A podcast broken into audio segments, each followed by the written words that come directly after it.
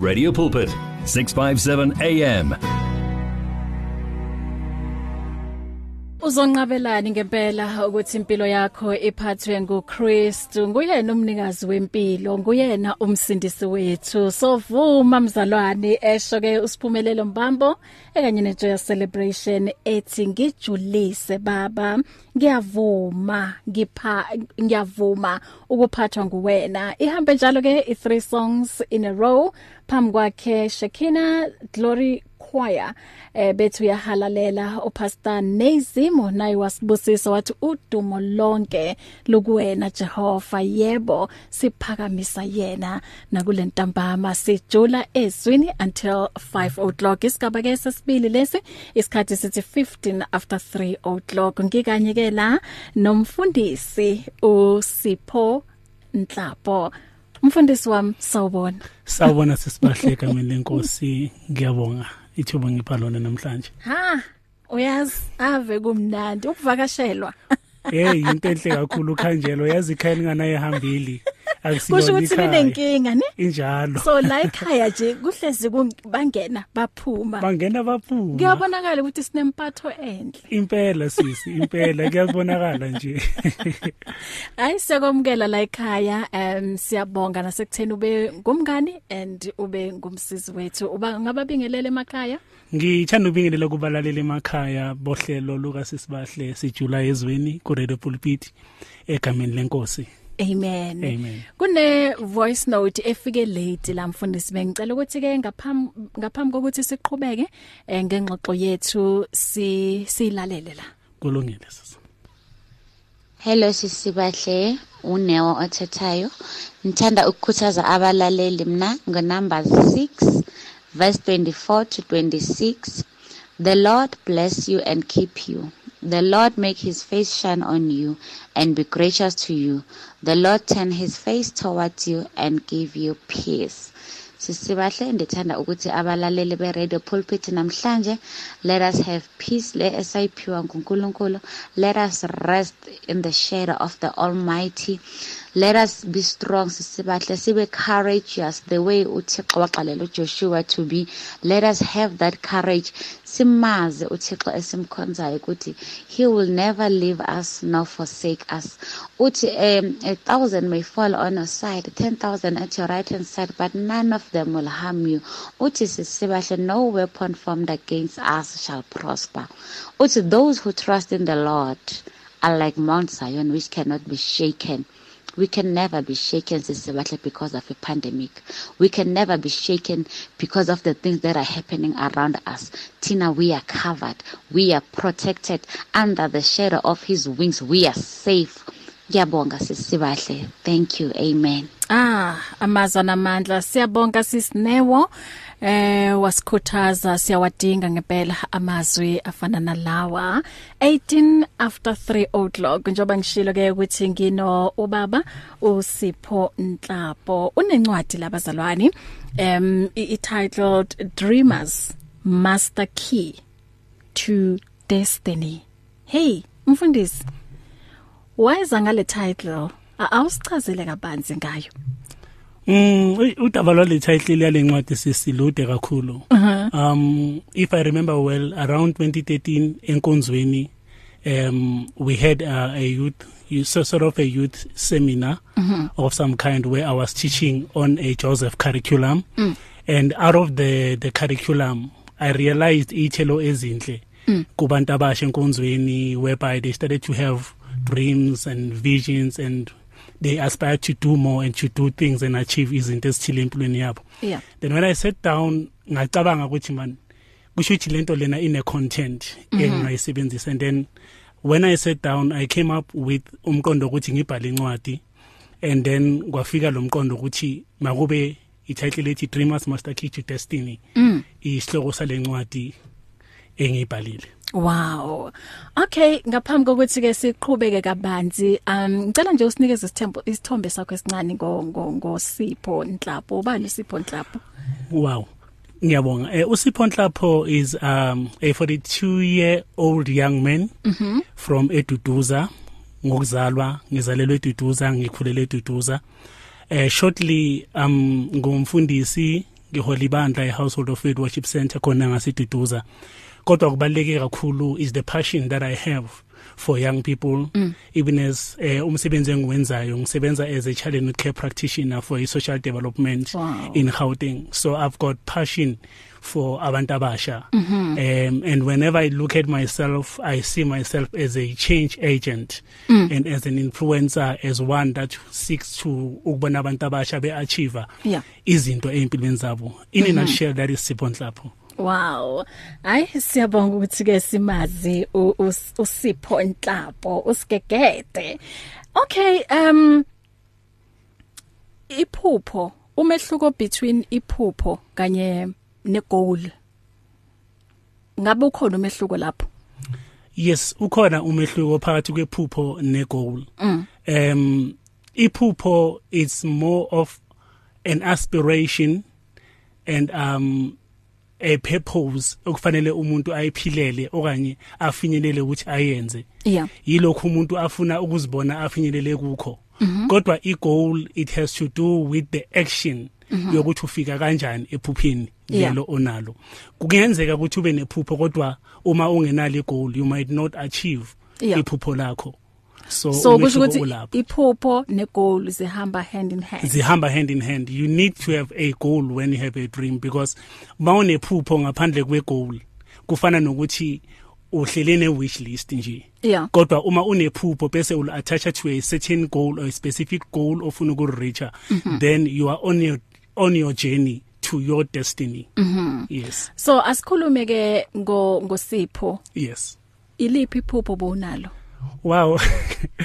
you know, uh, growing up, I had a lot of dreams. Um, initially, at high school, I saw myself as a psychologist. Mm -hmm. uh, but unfortunately, because of ama pressures of life and other things, I found myself having to divert mm. uh, uh, uh, to youth work mm -hmm. at an early age of my life. So, but kodwa iphupho lami lokuba psychologist ngiyacabanga ukuthi lisesekhona because eh iphupho alifi yeah and uh, uma kusesekhona isikhathi sokuthi usebenze ephupheni lakho mm -hmm. usengasebenza so long as usavuka uphefumula kusho khona ukuthi usengalenza lenzeke iphupho lakho mm -hmm. so that was my dream to become a psychologist and but akwenzakalanga akwenzakalanga kodwa okwenzakele ukuthi yeah. eh endleleni ngisithole ngiba umuntu okwazi ukusiza kakhulu abantu abasha yeah. as a matter of fact mm -hmm. yes so kusho ukuthi lize ngenye indlela. Ngenye indlela. Iphupho lakho because yes. lisahambisana nje nalokho bothanda ukuthi ube yikho. yes. esikhathini esiningi abantu uma bengafinyeleli emaphusheni akho ukuya mhlawumbe ngokubuka um noma ukukhuluma nabantu kungaba yini? Ziningi izinto eh, ezingakukhosa lokho. In the book that I've written I think chapter 1 eh ngikhuluma about dream haters. Mm -hmm. and nokuthi kunama external and internal factors ezenza ukuthi abantu bangafinyeleli kumaphupho wabo mm -hmm. for instance when we speak of ama external factors singakhuluma nge socio economic challenges singakhuluma nge political systems of the world singakhuluma nge unemployment yeah. and all the other things but mostly ngikholelwa ukuthi into eyenza abantu ukuthi bangafinyeleli emaphupheni wabo mm -hmm. ama internal factors yeah. whereby uh, they focus mainly on what is on the inside lento ezingaphakathi eziba cekela phansi okanye ezibaqeda umoya. Iyo into eyenza ukuthi abantu abaningi bangaphumeleli bangaphumeleli ukufulfill amaphupho wabo.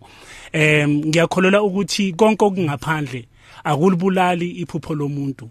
Kodwa okungaphakathi kunamandla okulibulala okanye ukuliphilisa iphupho lomuntu. So there are internal factors ezenza ukuthi abantu bangafinyeleli kumaphupho wabo.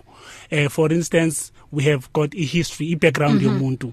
Talking about the background eh uzokhumbula uGideon umingelo sikaNkuluNkulu iza kuye ithi qhaweni namandla. Yeah. uyaphendula yena uthi mina ngimncane kangaka nasekhaya sinalo uduma sinabo nobukhosi mm. eh, eh ungibiza kanjani ngechaweni namandla mm. he pulled a, a, a cut ye background ukuthi la ngibuya khona akekho umuntu okwaba kuleso simo leso mm -hmm. and then we also talking about the attitude you know the the the, yeah. the, the, the dream haters talking about the attitude ukuthi iattitude yethu yiyo enamandla ukuthi ingasicekela phansi okanye isenze sibe abantu abangcono we also talking about um ama troubles mm. ukuthi empilweni ezumuntu onephupho you are not uh, like like immune from trouble Yeah. we all face trouble uh -huh. we are bound to face trouble mm. as a dreamer you will at times face ama troubles uthi uJosepha iBhayibheli liyasitshela ukuthi abafowabo they hated him for his dream mm. you know ngalendlela yokuthi they wanted to kill him mm. you know he was faced with troubles Yeah. empilweni yakhe so as a dreamer you must understand ukuthi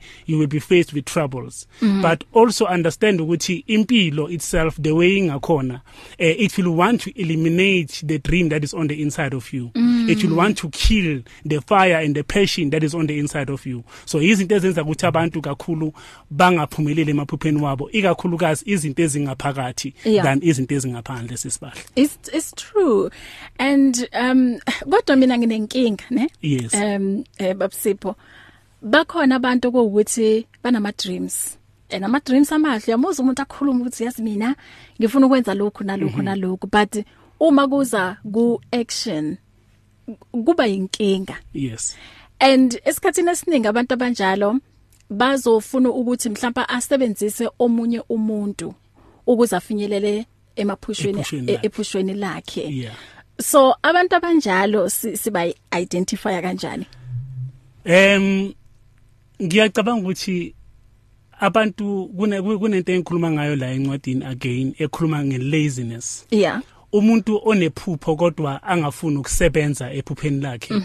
Lo muntu loyo is a lazy person. Yeah.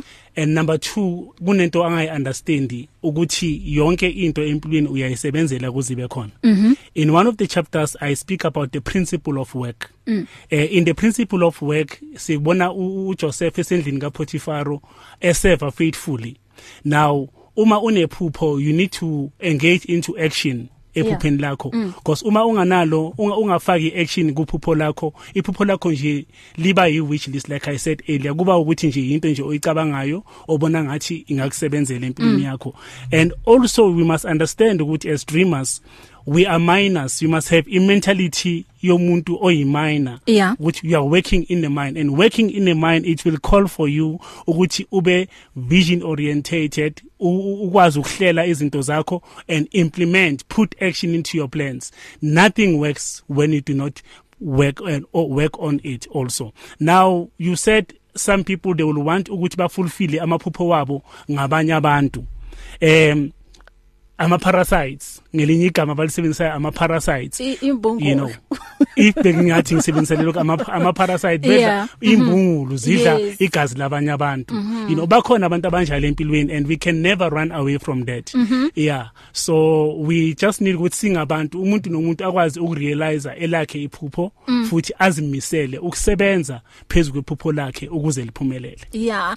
And ku- kunokunye futhi engikubonile okuhle obhale ngakho Yes. lapha encwadini ukhuluma ngama dream keepers. yes Em bona ke sibabona kanjani labo bantu and basiza kanjani ekutheni iphupho lomuntu lifezeke. all right um for every dream hater there is a dream keeper Yeah. Now you will understand ukuthi empilweni we all need ama dream keepers. Mm. Empilweni zethu kungabantu abasizayo ukuthi sikwazi ukufinyelela ephupheni lethu. Mm. Now in the book I speak about the ABC model of a dream keeper which is A will stand for accountability. Wow. They hold you accountable. Yeah. Those are the people who hold you accountable to your dream. Mm-hmm. They keep you on the timelines mm-hmm. osethile ukufulfill iphupho lakho. They keep you uh, action orientated mm-hmm. on making sure ukuthi iphupho lakho liyenzeka. And then number 2 they believe in you. Sometimes they believe in us even when we do not believe in ourselves. You know sometimes as dreamers siyalahlekelwa eh, eh, ithemba silahlekelwe isibindi silahlekelwe nangamandla endleleni and give upon ourselves. But when you have dream keepers they will always encourage you. They will always tell you that they believe in you. You can do better. You can make it empilweni yakho. But lastly they are courage givers mm-hmm. those are the people who will give you courage mm. but how do i notice or how do i spot my dream keepers Yeah. as a dreamer mm-hmm. number 1 ama dream keepers are people who are dreamers themselves Yeah. you know in most cases you find that i cannot be a dream keeper if i am not a dreamer myself mm-hmm. so number 1 find a person who is a dreamer mm. to be your dream keeper ngoba bazoyifaka le push kuwena bazoyifaka le push kuwena yeah, mm -hmm. you know bazoyifaka bakuphushe ukuthi uyenze lento so mm -hmm. they are dreamers they are not dream killers they are dream keepers yeah. so they will help you to push and push you to fulfilling a dream lakho how do i spot them again eh ama dream keepers themselves they can be appointed ungawa appointer wena or they come voluntarily akho mm. also dream keepers are people whom you can use as a a, a sort of a, a soundboard mm. for for for reasoning empilweni yakho in terms of ama dreams wakho. Yeah. Yes. Mm -hmm. so that is just a nutshell of what is in the book. So yes. there's see, more in the book. So empilweni we we need dream keepers. We need dream keepers. Who will help us to reach yes. to our destiny. Yes and it does not mean a a, a mentor in mm -hmm. that matter. Yeah. Anyone can be a dream keeper your brother your sister at home your mother your friends your neighbor mm. anyone who sees potential in you and want to see you achieving izinto mm. can be your dream keeper yeah. Yes. Hey uyazi ku ifear asikhulume ngefear um babundlapha yes. Ifear ngiyacabanga ukuthi ngezinye zezinto ukuthi zi dream killer. Yes. Umuntu unalo leli phupho eh though um kunalenkulumo ethi uma unalo iphupho lingakuthusi. Wazi ukuthi akusilona iphupho lelo. So bathi kumele ube nephupho elikhulu and likuthuse. Kodwa ke i, I guess lo, lapho bakhuluma in a positive way but kunale fear okuwukuthi umuntu ugcina angakwazanga ukufika emaphushweni akhe. Mhlawumbe ngeinkulumo zabantu o mhlawumbe bayambuka nje bamthatha Mhm. the wangakhona but hayi lo ucabangani ucabanga ukuthi yena um anga anga anga angaba umsakazi ngiyenza nje Mhm. an example. Ucabanga ukuthi yena angasebenza ku that big company U- uyayibona? So singadila kanjani nendaba ye fear ikakhulukazi mo umuntu onamaphupho amakhulu? Um ngizoqala nje ngokuthi even myself I had to confront lots of fears mhm empilweni yami as a dreamer. And um kwongithatha isikhathi kokunye ukuthi nginqobe ukusaba. Yeah. Kokunye eh ngisalwa nako namanje because you will always be confronted with adversity mm -hmm. that comes to the size of so kuyo mm. ngaleso sikhathi leso. If fear is a dream killer like you are saying and most people bayabambezeleka empilweni ngoba besaba ngoba bebambe ukusaba inhlizweni zabo. In the book i think where i write about the author the first thing i speak about is the fear that i had mm. and the fear ebenginayo was not the fear of izinto ezingaphandle mm. but i feared what was on the inside of me yeah I feared the magnitude of what God had given me. I feared the magnitude of the talents, of the abilities that God had given me. Mm. And ngazibona ngazinyeza mina myself. Now the first person to overcome the fears is yourself. yeah You must overcome yourself Wow. as a person. Mm-hmm. Overcome your, your your history, overcome your your your, your background, overcome ama obstacles athile ngempilo yakho.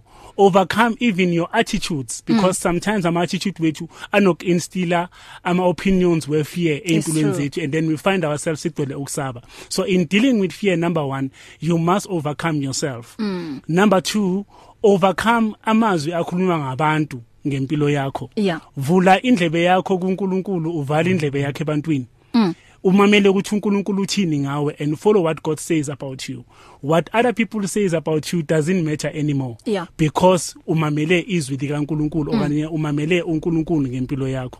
One overcome yourself overcome the external factors and the ways abantu abasikhulumayo ngawe as a dreamer. But also you need to overcome the world itself. Mm -hmm. because uh, you are up against the world that seeks to bring you down as a dreamer. Mm. umhlaba awukho friendly to abantu abanamaphupho Yeah. umhlaba awubafuna abantu abanamaphupho. Mm -hmm. umhlaba ufuna ukucekela abantu ngaso sonke isikhathi. So you need to have courage. iBhayibheli malikhuluma likhuluma ngoJoshua uNkulunkulu uthi kuye eh, do not fear. Mm -hmm. for I am with you njoba ngibe noMose ngizoba nawe but he gives him courage uthi okwamanje wena into fa uhambe ngayo i courage Yeah. you know ezwini lami iba nesibindi uqhubekele phambili so we need to have isibindi siqhubekele phambili regardless of whatever comes our way as dreamers Wow. Ngiquote from incwadini yakho uthi a dream without action becomes an idea Yes. and a dream with action becomes a determination to Yes. destiny. Yes. Wow that's powerful.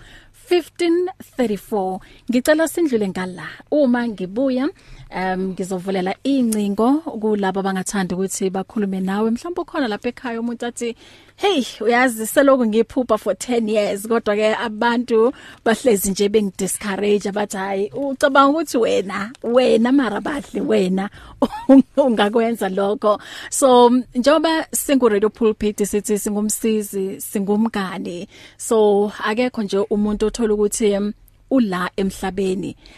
Aze andlule mfundisi emhlabeni kodwa ke angayazi purpose yakhe ukuthi iyini. You know. Yeah. In the book nje before uqhubekela phambili sisibahle kunento engiyibhalile lapha ukuthi the greatest crime one can commit mm. is to die without fulfilling what you were born to do. Yes yes yes. Ithi sindlule ngala siyabuya. Reach your customers in the car, at the office, at home, or wherever they are, night or day. Through advertising with Radio Pulpit, you can reach a large, unique, and loyal audience in a most affordable way. With over 500,000 people on our various platforms, from Gauteng to the Cape, you simply cannot go wrong. So advertise today. Contact us on 012 334 1339 or for advertising packages that we offer, go to www.radiopulpit.co.za. Terms and conditions apply. 657 AM. Radio for believers in action. Do you want to grow your business sales? Do you know that you can advertise on Radio Pulpit, Radio Pulpit website, the Word for Today magazine, and the Word for You Today magazine at the ridiculously low prices? Yes, you can indeed. Radio Pulpit, your daily companion, offers you the platform to grow your businesses at the best affordable prices. Simply contact me, Godfrey Moabi, on godfrey at radiopulpit.co.za or call me on 012 334 1265 and I'll tell you how. Remember, I've made it my business to grow your business. You and 657 AM and life, a winning team on the road to eternity. AM 657 um silapho singu Radio Pulpit sivuliwe ke incingo ku 0123341322 unombuzo noma ke uthanda ukuphawula eh njoba ke sino mfundisi uSipho um Nhlapo ubhale incwadi la uyibiza Dreamers Master Key to Destiny.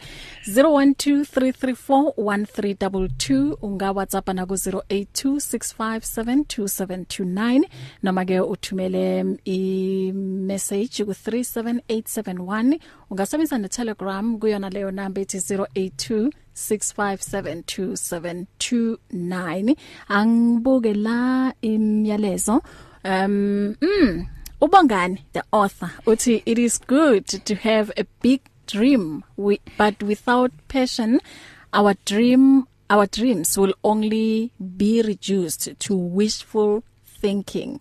Sipho Nhlapo what a powerful man of God. Siyabingelela studio hayi siyabingelela lapho kamangethe kazwani. Nangu mama naye umamzwane uthi wow so blessed by the dreamers master key to destiny. Sisibahle umfundisi Nhlapo is making a very valuable point when he says a dream will remain just a wish without action. And i love the analogy of the life of Joseph. He is the perfect example of the price you will pay for your dream. It won't be handed to you on a silver platter but you will have to work for your dreams against all odds. Siyabonga mfundisi. Um asithole enye la. Good afternoon to everyone. My question to Pastor Nhlapo is can you uh, book huh? can you book help me as the local pastor to re revive my dream and passion for the ministry um uthi preaching of the word? Or is the book meant for youth only? Or pastor Vusi Sibeko ungale etsakani ekuruleni Mfundisi uh, yeah nayi Okay. nayi question nayi question mfundisi all right sibonge kakhulu eh mfundisi usibeko yes incwadi lena ingakusiza Or can your book help? Yes. Oh, okay. yeah incwadi lena ingakusiza mfundisi wami kakhulu because eh amaphupho they are not meant for abantu abasha amaphupho they are for everyone ophilayo emhlabeni whether young or old amaphupho wethu avalid so ungasitholela yona nawe ukwazi ukusizakala umithe amaphupho wakho kanye ufulfille your dreams as umuntu emhlabeni. Because ngishilo ukuthi uma siphila singakwenzi lokhu ekufanele sikwenze ekuphileni kwethu sifana nabantu ababotsotsi. So umfundisi ungasitholela yona and then also to add on that eh amaphupho njengoba ngishilo ukuthi they are not limited to abantu abasha.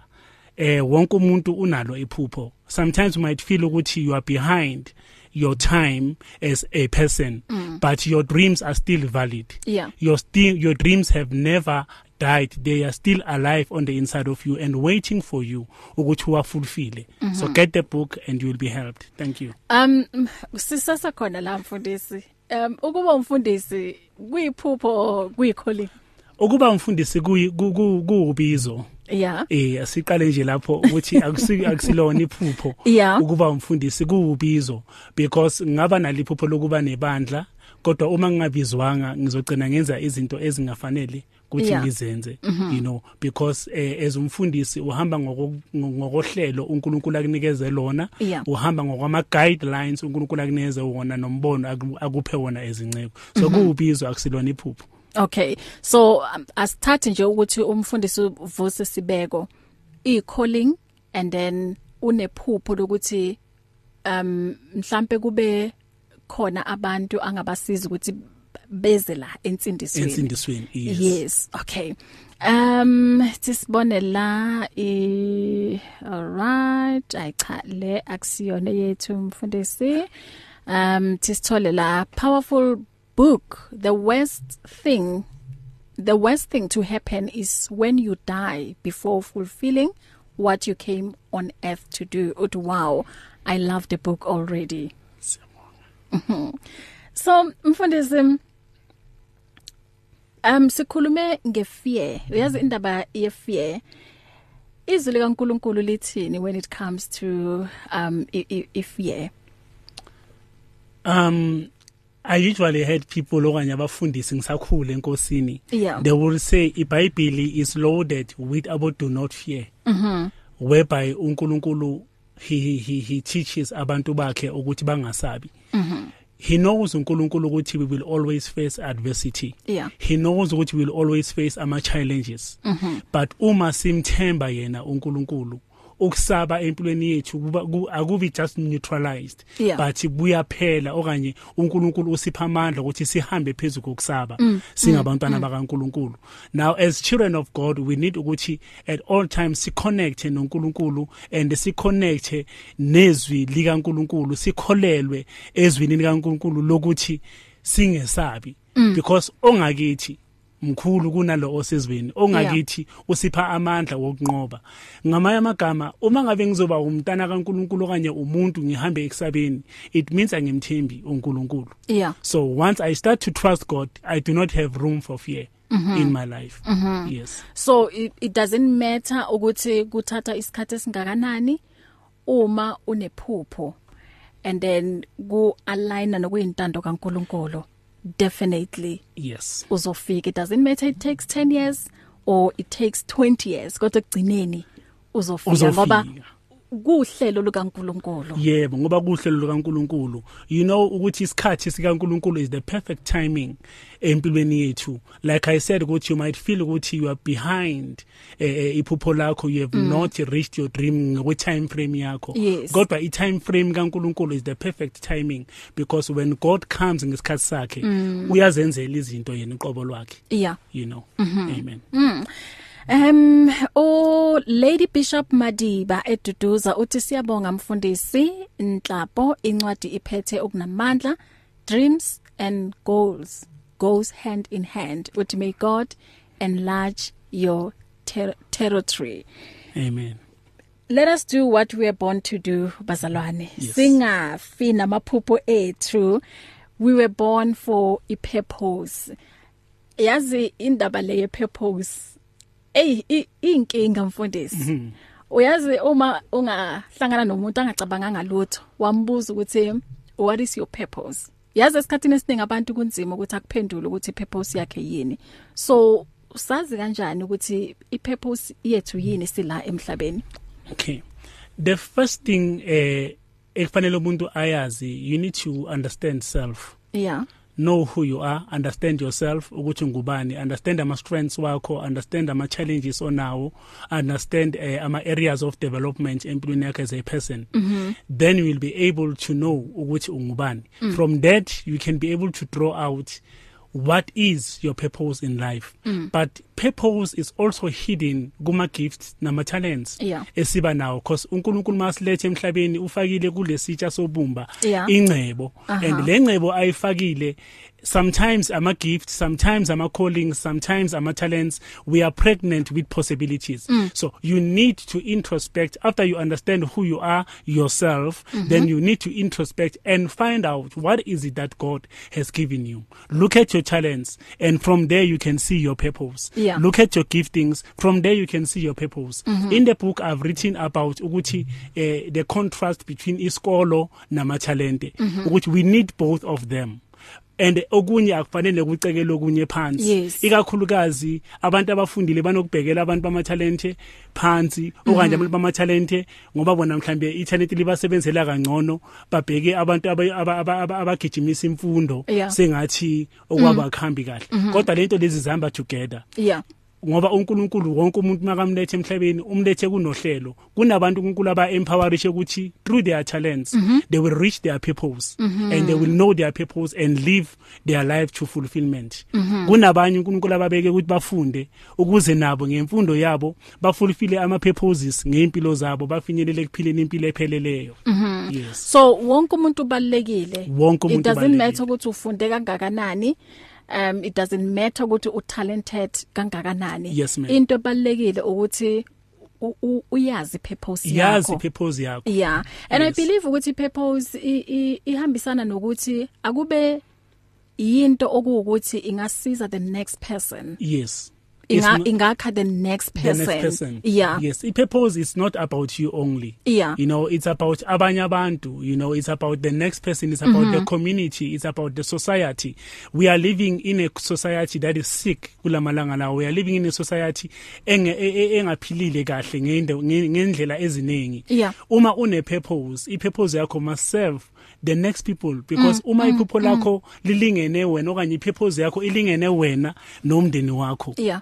Ayikho enough. Yeah. it needs to reach out to other people reach out to the nations reach out to the society and help make or build a better society. Yeah because ugcina manje ulomuntu lo ngathini? Uba selfish mm -hmm. and uh, kuba ngathi everything is about wena. Yes. The- the- there is uthola abanye abantu uma uhleli naye yonke into mayikhuluma mina this. Mina that. yes. Mina that. Yeah. Mhm. Um incingo naso sivuliwe uma uthanda ukukhuluma ke nomfundisi la si sinaye until 4 o'clock 0123341322 or go 0123338699 umama la ukhuluma indaba ebalekile mfundisi uthi hanging with negative people kuyi recipe to kill your dreams. Yes. Kuyi recipe eh one of the things engikhuluma ngayo encwadini eh i think uh, ku chapter ekhuluma about surviving confinement. Ngikhuluma about associations. Ukuthi the people we associate with yeah. banamandla ukuthi basenze okanye basilimaze. They can they, they can make or break us. So kubalekile ukuthi as a dreamer ucheke who you associate with. And and and uh, try to make sure ukuthi uthola abantu who are positive number 2 abantu who are goal driven like we said earlier with ama dream keepers Dream they are keepers. dreamers themselves Yes. associate yourself with dreamers mm -hmm. then you will fly with dreamers mm -hmm. associate yourself with eagles then you will fly with the, with the eagles Amen. you know as mm. an eagle I- kukhona iphupho eli okungasilona nephupho langempela yes wahlukanisa kanjani em iphupho ekungasilona yile phupho leli ozothi uma ulifulfilla ulifulfilele ukuthi ngibazwise yabona? Yeah ukuthi bazi ukuthi sakafikile inhlapho. Yeah sekuyisikhathi sakhe manje. Yeah kodwa iphupho okuyilo ilele elizothi reach out to the community Yeah. and make the society better mm -hmm. like i said earlier. You will remember uda uJosepha eh sekasendlini ka sekasebukhosini endlule kuzo zonke izimandlule kuso. Simthola eyamkela abafowabo and receiving them ngothando with forgiveness and with love you know and blessing them moreover. Because uthando bekanalo for o- okanye iphupho lakhe was not just meant for himself it was meant also to bless others. You are blessed to be a blessing. If your dream blesses you alone it's not the real thing. Wow At Radio Pulpit, we love the interaction we have with our listeners on all the social media platforms. It is also our way of giving everyone a voice that can be heard all over the world. Unfortunately, we have been experiencing huge difficulties with WhatsApp for a while now, and we are now forced to find a viable alternative. That alternative is called Telegram. Telegram is an app that works exactly the same as WhatsApp, and it uses the same telephone number as well. All you need to do to be able to chat with your favorite presenter is to download the Telegram app onto your phone and send your message or voice note the same way you always did. We will then be able to receive and answer your message faster, and the privacy on this app is much better too. So, whether you have an iPhone or an Android, the app pic is a white paper plane in a blue circle. Please download the Telegram app right away and make life easier for everyone. We are here 24 hours a day with the message of hope, faith, and love on 657 AM. 0123341322 ungathi sikuvalele ngaphandle mzalwane. Eh khuluma naye umfundisi Nhlapo. Asesela ngiyazi ukuthi abanye bagade ukuthi eh, ushiya manamba oh nkosi Jesu. And then bazokhuluma nawe um afterwards. Kodwa nalapha Yes, yikho inkinga. Um kodwa uma uthanda ukukhuluma naye la emoyeni zisavuliwe incingo ku 0123341322 noma ku 0123338699 ungathumela nomyalezo wakho ngeTelegram ku 082 um 6572729 inamba futhi ye WhatsApp leyo ongayisebenzisa ne voice note ungayithumela SMS 37871 hey uyazi senginegama elisha la mfundisi? Uyalibona ukuthi livela kubani?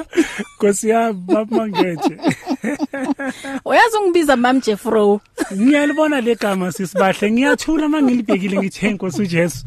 Ya le hayi. Kushithi imisebenzi yakho mihle sisi imisebenzi yakho iyanqomeka iyathandeka. Aha. Because so leli imisebenzi gama ye- liphuma lapho. imisebenzi yekuphi igama? Uthi Mam Jeffro siyabonga kakhulu um for such a warm show. Um Sipho Nhlapo the Lord smile on you, Thank you, sir. and enlarge your territory. Shine fly so your time and season is now. So incwadi yakho yokuqala le yes this is my very first book sisibahle mhm yes okay Yeah. so uh, bonalo vela leli phupho ukuthi one day ufuna ukubhala incwadi Uh, from high school, I had the tooth for writing, Sisbahle. Mm-hmm. I used to write poetry, motivational articles, and um, music and all the such. And then ke ngiyacabanga ukuthi ngokuhamba kwesikhathi ezinye izinto they just fall along along the way mm. but mm. you know when i started to to to overcome my fears uh, to live away from my fears. And then i said I, I, it's time to pick up my dreams. And kwa- kwa- kwavela lencwadi of which i trust god ukuthi it's not gonna be the the last. Mm-hmm. yes. So z- sa- siyeza ziseza zi- ziseza ziyeza ezinye. ziseza sisibali Hmm, uyazi uNkulunkulu ngiyamthanda ngoba usebenzisa abantu ukuze ke basize abanye. Um because um, lencwadi ngiyacabanga ukuthi ikhuluma kakhulukazi nomuntu ukuthi mhlambe bekayicekela phansi ukuthi hayi mina angikwazi ukukhuluma kodwa ngifuna ukuba um, a radio presenter. Um anginayo a, a beautiful voice kodwa ngifuna ukuhlabelela. So zikhona izinto eziningi okuwukuthi if une passion yomculo akusho ukuthi kumele uthathe imic uhlabelele Yes. kunezinto eziningi okuwukuthi ungazenza um eh abantu bangakuboni noma ungahlabeleli. Kunama um, writers kunama producers kunama composers. And nala emsakazweni akusho ukuthi uma uyithanda iradio kumele usakaze. Yeah. Still nala kunama producer kunabantu aba ziningi nje izinto ezenzakalayo. So iphupho lakho because abantu bakhuluma negative ungalithathi ukuthi hayi it's it's it's nothing. And then abantu abayiboni ngalutho or mm -hmm. abantu mhlawumbe bayakujaja em ngendlela thizeni. Omunye kwamanje mhlawumbe kanazo inyawo and unale unaleli phupho elikhulu. Abantu bayahlekisa ngaye ukuthi hayi wena unganazo inyawo ucabanga ukuthi leyo nto leyo ungafinyelela kanjani kuyona. Yeah. Uyakhumbula ukuthi uJosepha naye abafowabo bahlekisa ngaye. Yes. Ubaba wakhe emthumile ukuthi abamukisele ukudla bese dothani belusa. Mhm wathi vele bathi nangu udokotela wamaphupho. Mm, they mock they made mockery of him. You know sometimes abantu abanamaphupho sinokuthi sibabheke sicabanga ukuthi ngathi abathathi kahle ekhanda yeah kanti lephupho leli liyamchisa umuntu ngaphakathi mm, mm. ezinye izinto esizenzayo singama dreamers abantu nje abanormal they can never understand Yeah. when you are driven by a dream and a passion mm. to see change empilweni yakho as a dreamer mm. some people will say hey mara azophupha kakhulu nhlapho yeah you know mm. amaphupho akho makhulu kunawe ndoda man Yeah. you know but kodwa ekufanele ukwazi ukuthi no matter behleka uma uNkulunkulu ekukhulumile noNkulunkulu ekumisile kuyokwenzeka. Mhm. Yes. Yowenzeka noma kanjani? Na kanjani Um ikuphi mhlawumbe ongathanda ukuthi mm, abantu bakufunde kakhulu kule ncwadi? Uma uyifunda ikuphi onga ongakuthola la? Um okuwukuthi uma mhlawumbe bo discouraged emaphushweni akho bo hopeless yeah Eh kunendawo lapho ngikhuluma khona ngabantu abathathu. Mm.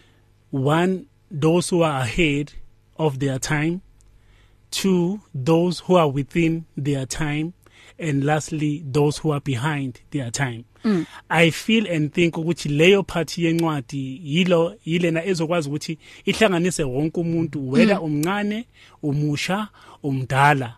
iyakubeka ku eh, ku picture you know Mm. kakhulukazi ngithanda ukukhuluma ngalaba who are behind because i fall into that category Yeah. yabantu who were behind their dreams mm. you know growing up as a young man a lot of people saw potential in me esikolweni they will they will look up to me and say you know Nhlapho wena sibona okukhulu la kuwe Mm, but njoba ngishilo ukuthi impilo inokuthatha i diversion nje enye ip- iphume nje emgcini Mm. ebese usithola ungasekho lapho fa usithola khona you know eh kuba nento eziningi ezilimanayo amaphupha ayalimala amaphupho uyawashiya along the way uyawalahla Yeah. so engifuna ukukusho kakhulu ukuthi kuleyo chapter leyo uzofunda ukuthi how do you pick up your dropped dreams yeah you know pick up your dropped dreams because mm. they are still valid yeah they have not expired the mm -hmm. fact that wena usaphefumula namhlanje lawo maphupho lawo asengenzeka Yeah. the only time ngeke asenzeka kulapho sikhapha khona ku symmetry mm -hmm. because sothatha iphupho mm -hmm. wahamba nayo nalo wasayolingcwaba mm -hmm. so ngithanda ukuthi kuleyo chapter leyo yi chapter nje engifila ukuthi so strongly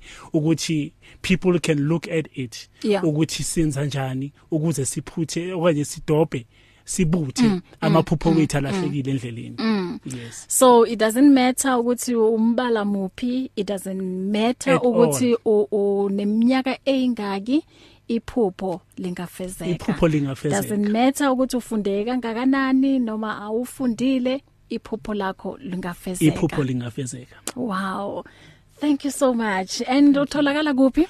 Okay em usipho nhlapho utholakala kulama number 065 9966 730 inamba engitholakala kuyo kodwa my alternative number eh u083 858 2075 ku Facebook ngusipho Prince Nhlapho. Sipho Prince Nhlapho. And then ku Instagram u Prince Msonga and then ku Twitter u @prince eh @sipho prince yeah @sipho prince ku ku- ku Twitter. Yes those are the thing eh, ngatholakala kulezo indawo ngicela an alternative number leyana ka 083 083 858 0858 2075 2075 Yes. so uyatholakala kuwo wonke lama number ku WhatsApp even na kuma calls kuma calls ungangithola kule MTN 083 then ku Okay. WhatsApp u065 Oh okay. Yes. and bazalando kungaba kuhle ukuthi sishaye and si WhatsApp ngezikhathi ezisindisiwe mfundisi. Amen. ngoba hey umama unhlapha uzothi hayi hayi hayi manje baba ah ah nango 10 ebusuku nango 9 bathini bathi yes. bafuna incwadi Yeah uthi la akashonga igama uthi pick up dropped dreams they are still valid. Siyabonga sipho nhlabo wow. Mfundisi wami kube kuhle ukuthi sibe nawe and noma beyifuna incwadi baxhumana nawe ke ku ku Kulama wonke platforms, eh lawo manamba eh, lawo manamba. Yeah. and nakulabo okuwukuthi uh, you know siyabadinga abantu abafana nawe. Um okuwukuthi uyayiletha futhi le okuwukuthi bowunayo and ufisa ukuthi ufinyelele kuyona unephupho ngayo. Kodwa ngenxa yokuthi abantu bayahlekisa noma abantu bakuthatha njengomuntu ongasilutho uvele nje uthi ay ayikho lento le. Abanye eh uzamile. Mhlambe years and years months and months akukho kwenzakalayo uthi hayi cha omunye mhlambe usebenzisa nemali yakhe. Imali iyaphuma ayingeni. Uthi hayi mina sengilahlekelwe ithemba. Yes. Ah, leli phupho lami ah, Alenzeki. alenzeki. Mhm so se- ngiyabonga sisibahle. Thank you for the opportunity. Ngibonge nakubalaleli bakho ukungipha indlebe. uNkulunkulu anibusise. Thank you very much. Thank you. Ku Facebook usipho Prince Nhlapo yes. Uh Instagram? At Sipho Prince. Our Instagram sorry is Prince Msonga. Or Prince Msonga. Yes. Okay Twitter? At Sipho Prince. Mhm and then ke um, amanamba lawa amanye ke all right. Thank you. Sibonge sis. Hi ithi sikuvalelise na ngomuresi uthi ke modimo ona. Uma ngibuya ke kinale muruti khomotsa modisele siyaqhubeka ngohlelo until 5 o'clock. Sizokhuluma la ngokuthi is there a correct posture for prayer? Ungasuki alihlale ke iphondo lakho ku AM 657 At Radio Pulpit, we love the interaction we have with our listeners on all the social media platforms. It is also our way of giving everyone a voice that can be heard all over the world. Unfortunately, we have been experiencing huge difficulties with WhatsApp for a while now, and we are now forced to find a viable alternative.